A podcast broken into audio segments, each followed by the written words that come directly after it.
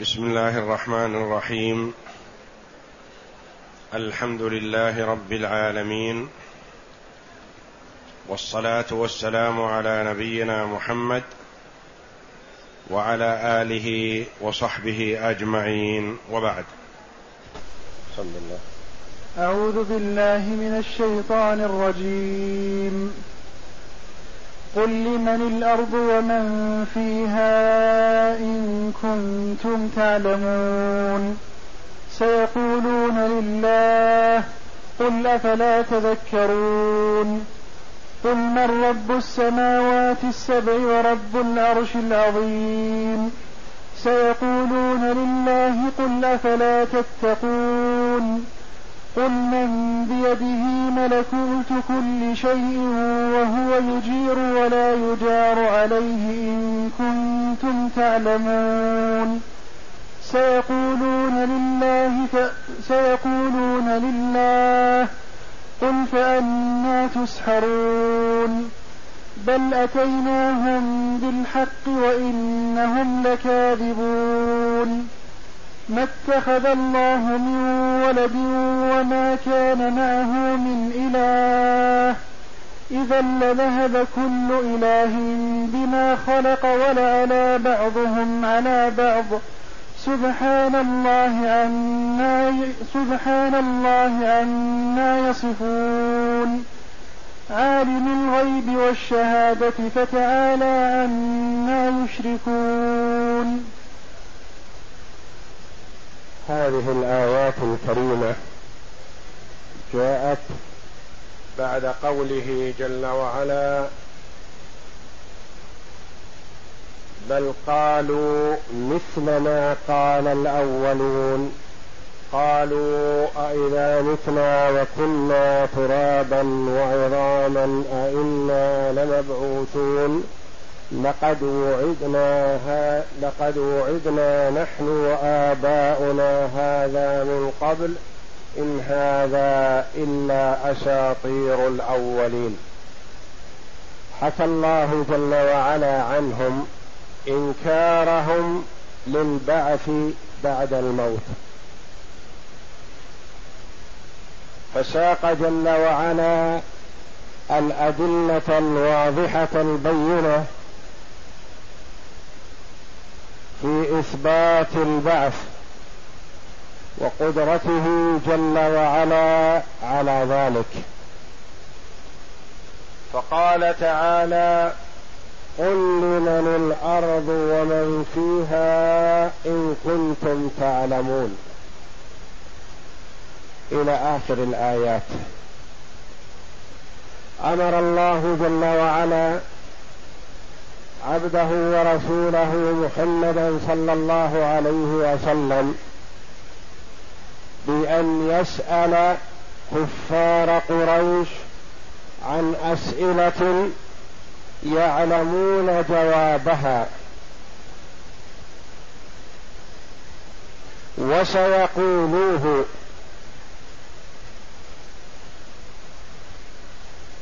فيكون ذلك الجواب حجة عليهم في إثبات البعث. يحتج عليهم جل وعلا بما يعرفونه.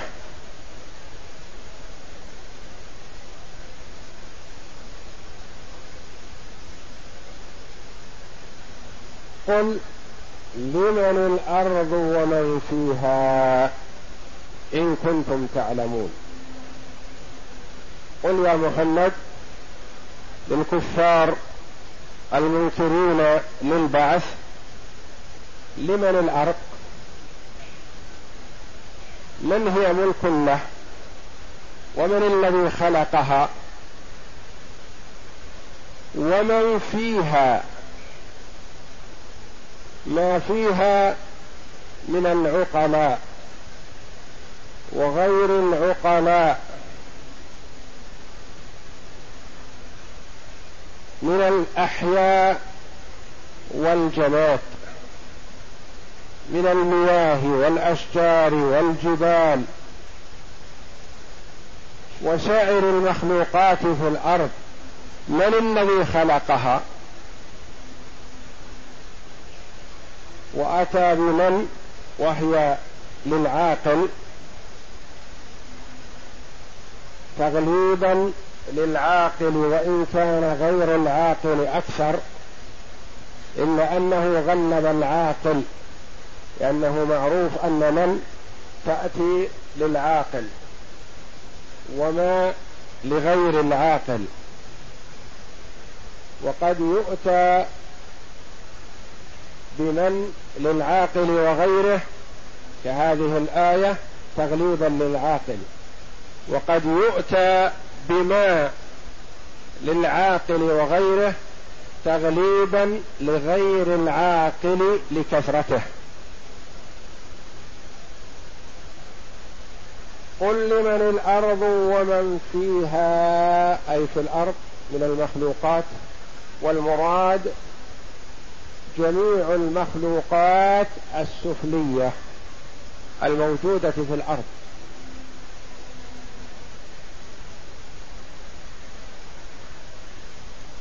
إن كنتم تعلمون. إن كان عندكم علم أين جواب الشرط؟ فأخبروني. إن كان عندكم علم فأخبروني. أخبر الله جل وعلا بأنهم سيقولون لله لأنهم يعرفون أن الذي خلق الأرض ومن فيها هو الله جل وعلا. لأنهم مؤمنون بتوحيد الربوبية إثبات أن الله جل وعلا هو الخالق الرازق هم مثبتون لذلك عارفون به. لكنهم أنكروا توحيد الألوهية. بما حكى الله جل وعلا وعلا جل وعلا عنهم في قوله أجعل الآلهة إلها واحدا إن هذا لشيء عجاب. وكفار قريش يعلمون أن الله هو الخالق الرازق المحيي المميت المتصرف في الكون جل وعلا. سيقولون لله الأرض ومن فيها لله. فقل لهم اذا إذا أجابوا بهذا الجواب فقل أفلا تذكرون؟ دعوة لهم للتذكر والتأمل والتدبر في آيات الله الدالة على قدرته فإذا عرف ذلك استدل بذلك على أن الله جل وعلا قادر على البعث. فكما قدر على الإحياء والإماتة لأنه هو المميت فهو قادر على الإحياء مرة ثانية. قل أفلا تذكرون؟ دعوة لهم وكثير في آيات القرآن الدعوة إلى التأمل والتدبر والتفكر في مخلوقات الله جل وعلا. لأن المرء إذا تدبر ذلك عرف قدرة الخالق وعظمته سبحانه وتعالى. قل أفلا تذكرون؟ حث وترغيب ودعوة لهم إلى التفكر. والأصل تتذكرون. أدغمت التاء الثانية في الزال وصارت أفلا تذكرون.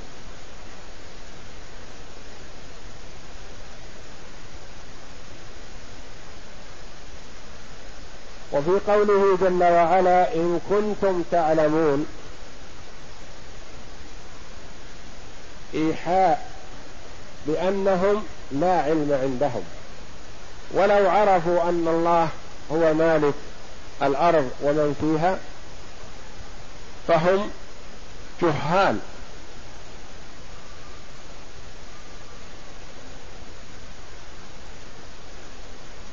ثم قال جل وعلا دليلا آخر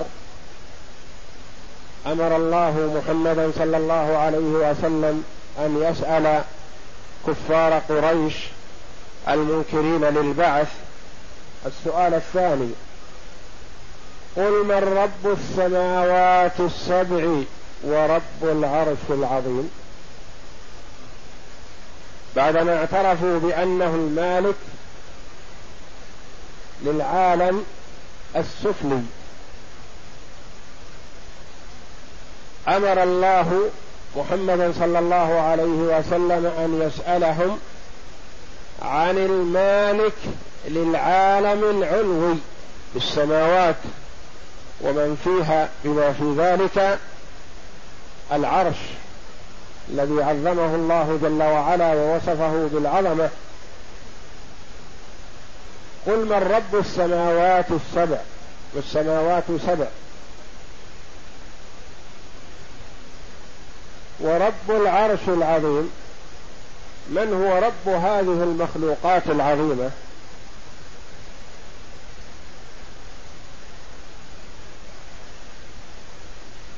والسماوات بمن فيها ملأى بالملائكة الذين يعبدون الله جل وعلا لا يفترون. يعبدون الله ليل نهار لا يفترون في العباده كما قال النبي صلى الله عليه وسلم أطت السماء وحق لها أن تأط.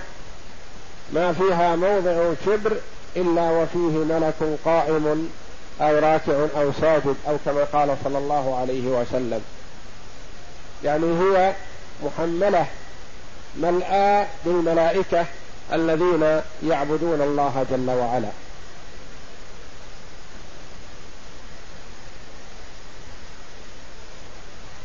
وفوق السماوات الكرسي وفوق الكرسي العرش. والعرش العظيم بمعنى الكبير. والله جل وعلا إذا أخبر عن شيء بأنه كبير فهو كبير وعظيم حقا. ووصفه جل وعلا في آخر هذه السورة بالعرش الكريم. أي البهي الجميل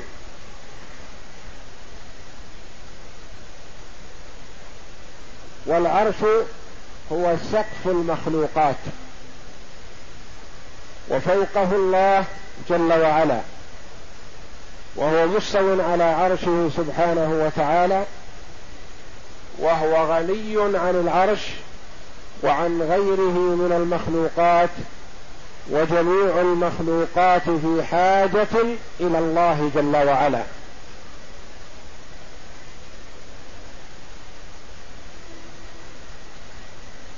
والسماوات السبع كما ورد في الحديث هي كسبعة دراهم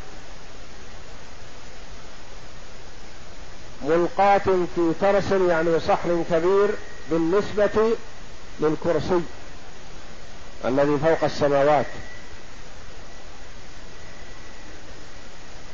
والكرسي بالنسبة للعرش كحلقة ملقاة في أرض فلات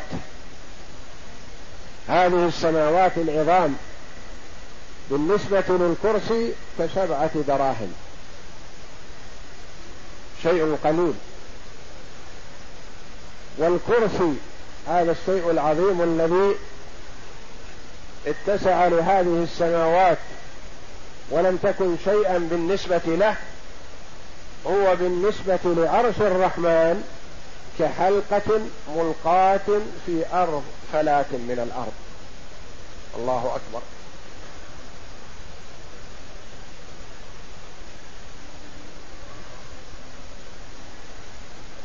والمؤمن حقا يؤمن بعلو الله جل وعلا واستوائه على عرشه.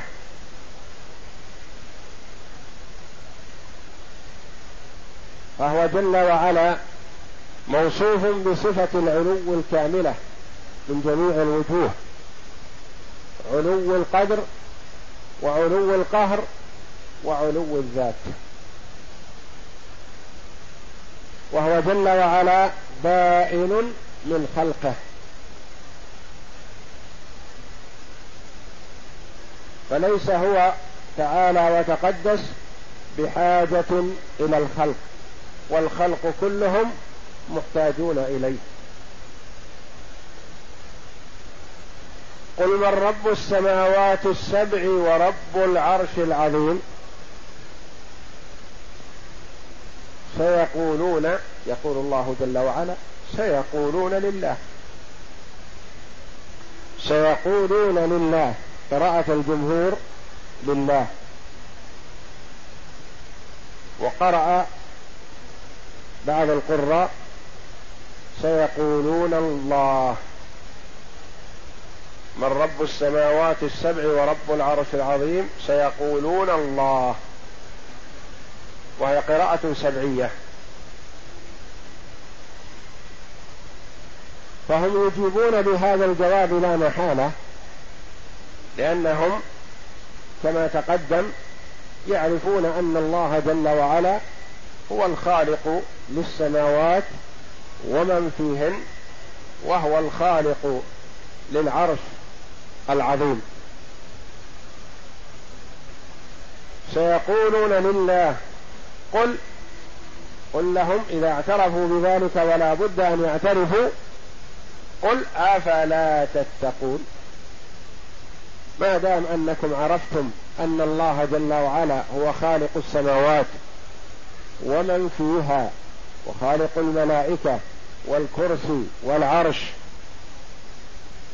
وسائر المخلوقات العلوية أفلا تخافون ذلك؟ الخالق سبحانه وتعالى أفلا تتقونه أفلا تخافون عذابه فتؤمنون به وتؤمنون بالبعث؟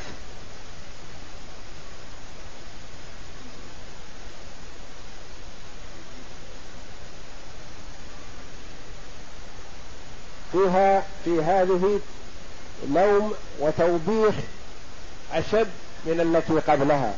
التي قبلها قال أفلا تذكرون تدرج. ثم قال جل وعلا أفلا تتقون أفلا تخافون. ثم قال جل وعلا في الآية الأخيرة والثالثة فأنا تسحرون. أشد توبيخ.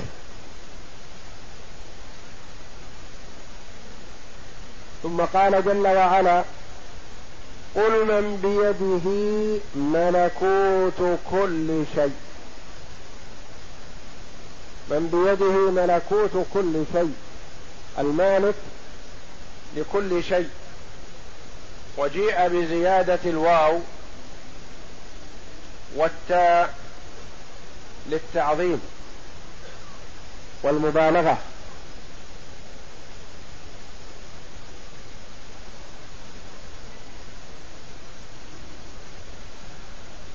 من بيده ملكوت كل شيء أي هو المتصرف تعالى في كل شيء والمالك لكل شيء وملكوت بمعنى ملك والواو والتاء للمبالغة.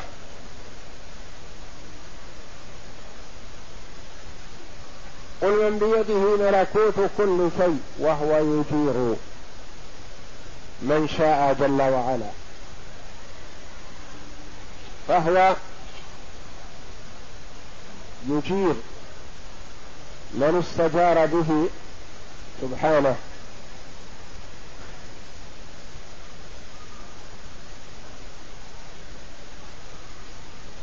يعني يمنع غيره من التعرض لمن أجاره سبحانه.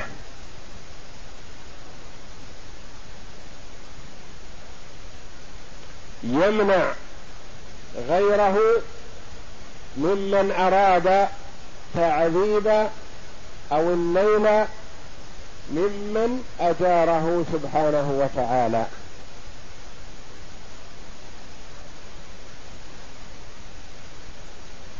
يمنع سطوة الغير من أن تحصل على من أجاره. فالمرء يستجير بالله من شر كل ذي شر فيثيره جل وعلا إذا شاء ذلك يمنع جميع المخلوقات من أن تتعرض له بسوء. إذا أراد الله جل وعلا نجاته وهو يجير ولا يجار عليه. لا أحد يستطيع أن يثير أحدا من عذاب الله.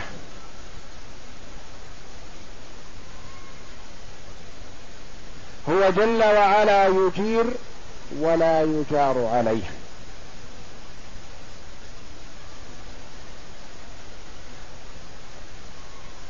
يجير من شاء ولا أحد يستطيع أن يجير من أراد الله جل وعلا عذابه.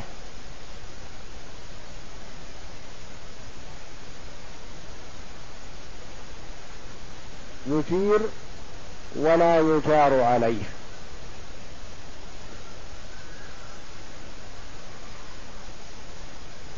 الناس أرادوا الانتقام من شخص فاستجار بالله فأجاره. هل يستطيعوا أن ينالوه بسوء؟ وقد أجاره الله؟ لا. لأنه يجير حقا من استجار به. الله جل وعلا أراد شخصا بعذاب. هل يستطيع الخلق أن يمنعوا عذاب الله عن هذا الشخص؟ لا. اذا هو وحده الذي يجير إذا شاء ولا أحد يستطيع أن يجير منه أن يمنع عذابه. يجير ولا يجار عليه. يقرب هذا المعنى شخص ما له سلطان وعظمة. أراد الوزير أن ينتقم من شخص فذهب هذا الرجل الذي يراد الانتقام منه إلى العظيم فاستجار به فمنع الوزير من أن يناله بسوء. أجار. في حدود. هذا الشخص العظيم أراد أن ينتقم من شخص. هل يستطيع الوزير أو غيره أن يمنع الانتقام؟ لا. لا قدرة له في ذلك. لأن الذي يريد الانتقام أكبر منه وأعظم. والله جل وعلا تعالى وتقدس له المثل الأعلى. إذا أراد سلامة الشخص من العذاب سلمه. ولا يستطيع أحد أن يمسه بسوء. وإذا أراد جل وعلا الانتقام من شخص فلا يستطيع أحد أن يمنع هذا الانتقام عنه.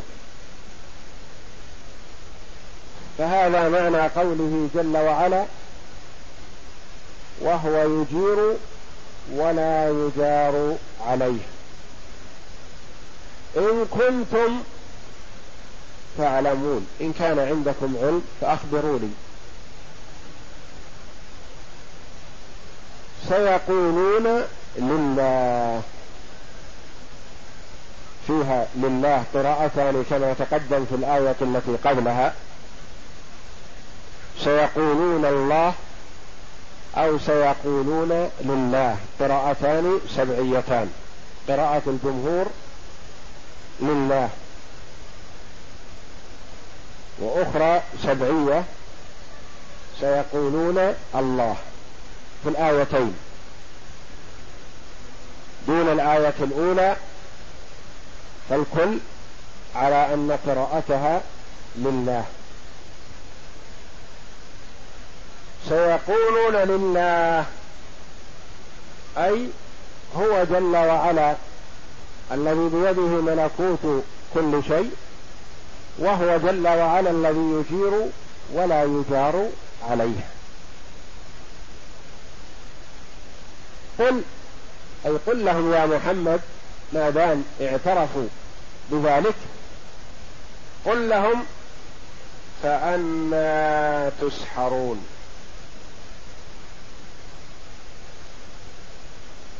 كيف تخدعون عن الحق؟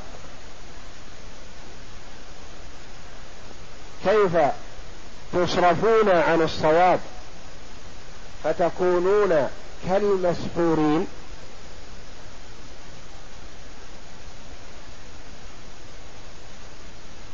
كمن لا إدراك عنده ولا فكر ولا عقل لأنه مسحور. وهؤلاء من سحرهم وأضلهم الهوى والشيطان.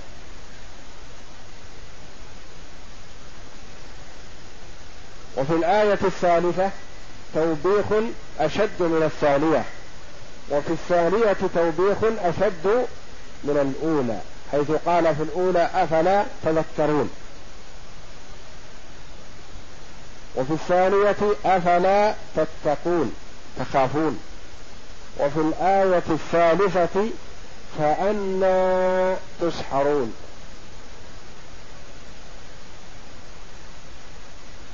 يعني أنكم أصبحتم كالمسحورين. يخيل إليكم الحق باطل ويخيل إليكم الباطل حق فتأخذون بالباطل وتتركون الحق والعياذ بالله.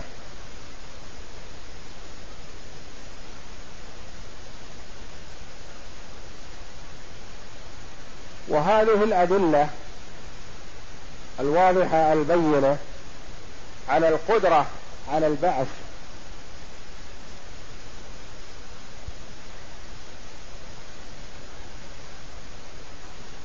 فلا يليق بعاقل عرف أن الله المالك للأرض ومن فيها وللسماوات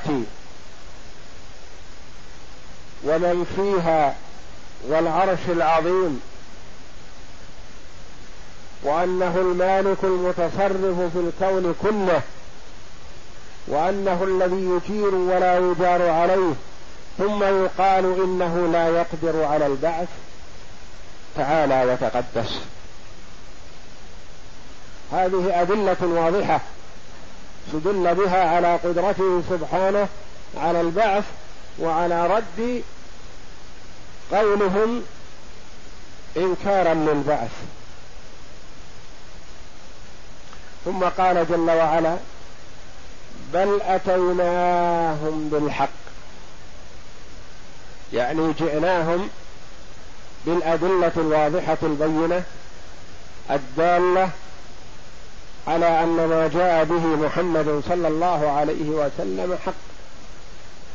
بل أتيناهم بالحق وإنهم لكاذبون وإن الكفار لكاذبون فيما ينسبونه إلى الله جل وعلا من الشريك والولد تعالى وتقدس. ثم أكد نفي الشريك والولد تعالى فقال ما اتخذ الله من ولد وما كان معه من إله. ما اتخذ الله من ولد.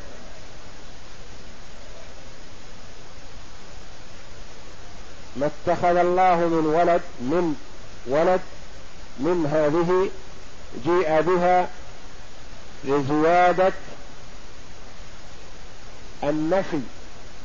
نفي الولد عن الله جل وعلا وإلا فقد دخلت على المفعول.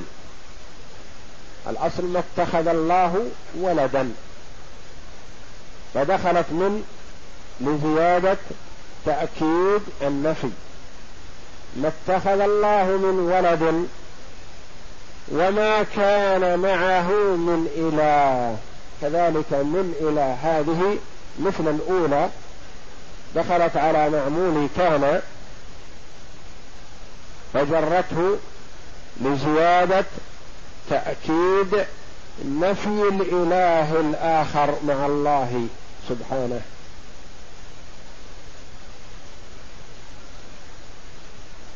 ما اتخذ الله من ولد وما كان معه من إله.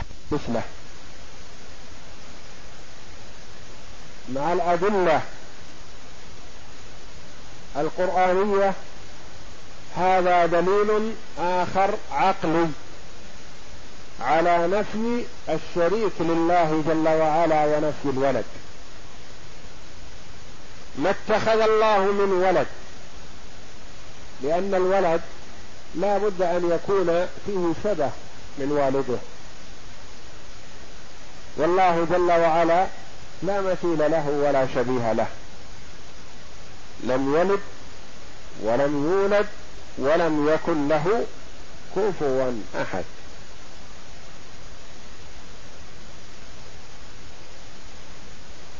وما كان معه من إله. لا يتصور في العقل أن يكون هناك إله آخر. لما لا يتصور في العقل؟ نعم لا يتصور في العقل. لأنه لو كان معه إله آخر لحصل المنازعة.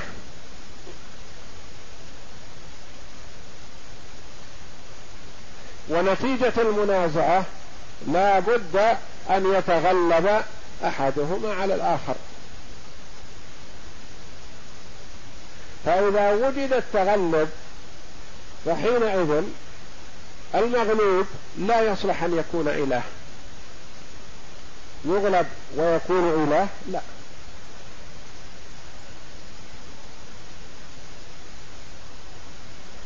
العقل السليم يثبت أنه لا يصح أن يكون هناك إله آخر أبدا.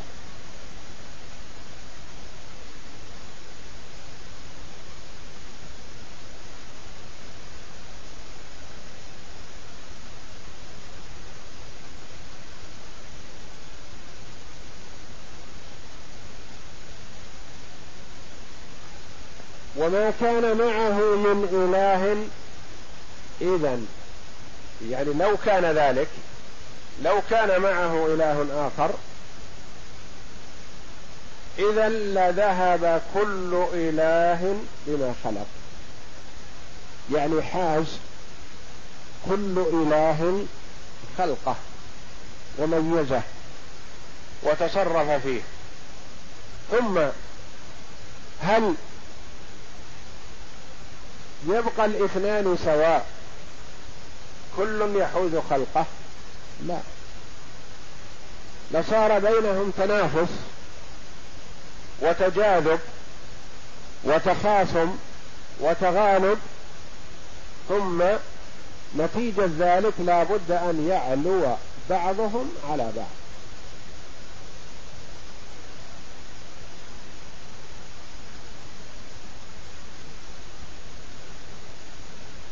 وما كان معه من إله إذا لذهب كل إله بما خلق. ولعلى بعضهم على بعض. تغالبوا فيعلو يعلو بعضهم على بعض. لا بد. فإذا علا بعضهم على بعض كان الإله الحق هو الذي غلب والمغلوب لا يصلح أن يكون إله. وهذا مستحيل بأن يكون هناك إله إله آخر مع الله. اذا لذهب كل إله بما خلق ولعلى بعضهم على بعض. سبحان الله عما يصفون. نزه نفسه جل وعلا عما وصفه به الكافرون من وجود إله معه.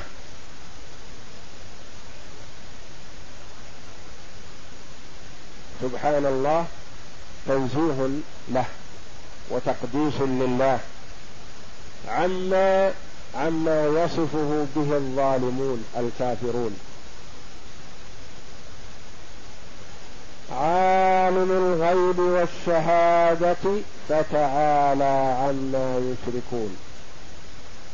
أو عالم الغيب والشهادة فتعالى عما يشركون. عالم وعالم. قراءتان سبعيتان. عالم الغيب صفة لله جل وعلا.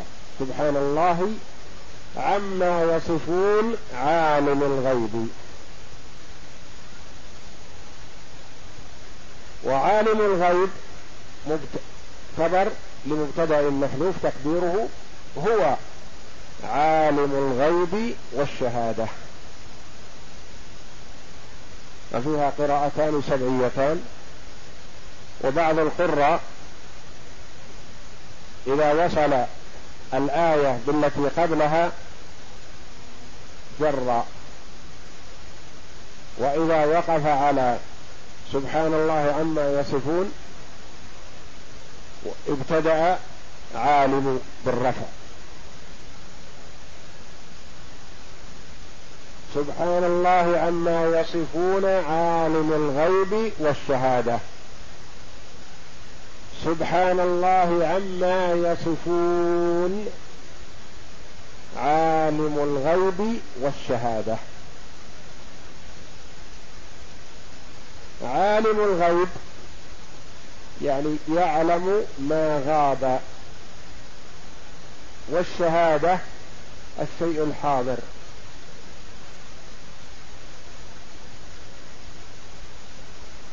وهو جل وعلا المختص بذلك. لأن الغيب لا يعلمه إلا الله جل وعلا. المرء يعلم ما اطلع عليه. وما لم يطلع عليه لا يعلمه إلا إذا أعلم به. والله جل وعلا لا تخفى عليه خافية. فهو وحده المختص بعلم الغيب.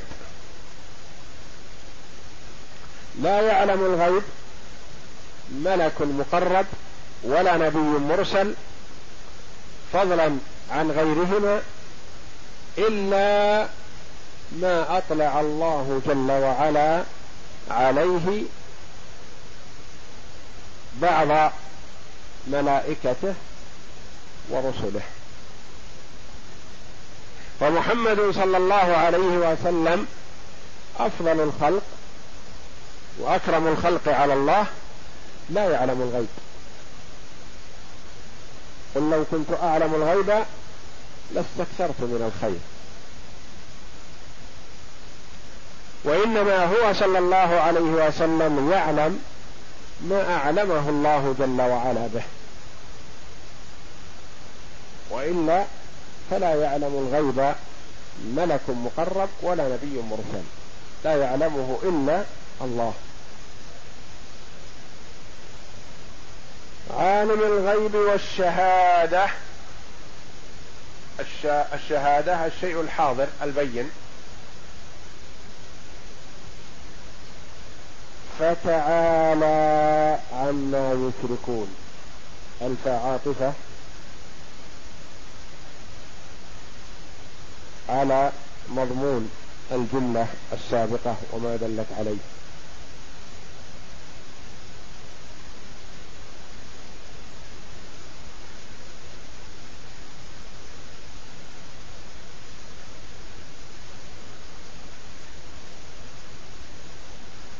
معطوف على معنى ما تقدم من إثبات علم الغيب والشهادة لله. كأنه قال عالم الغيب فتعالى. يقول المؤلف رحمه الله كقولك زيد شجاع فعظمت منزلته.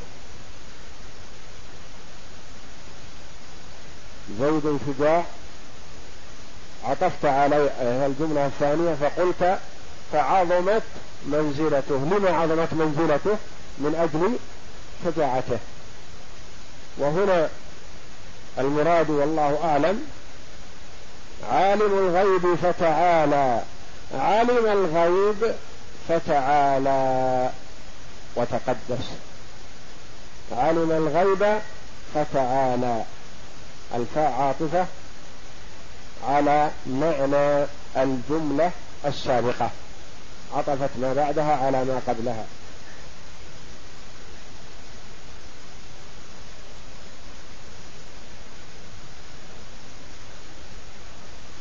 قال المؤلف رحمه الله أو يكون على إضمار القول أي أقول فتعالى. يعني هذا كله تعليل لأجل حرف العطف الفاء كيف جاءت هنا. فتعالى إما عاطفة على معنى الجملة السابقة أو على إضمار القول أي أقول فتعالى.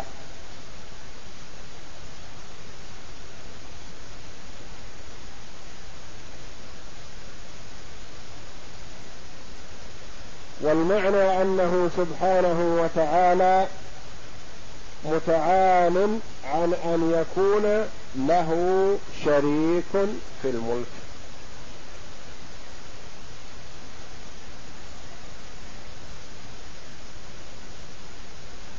عالم الغيب والشهادة فتعالى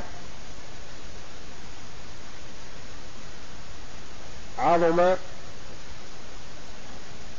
ونزه جل وعلا عن أن يكون له شريك في الملك كما يزعم المشركون.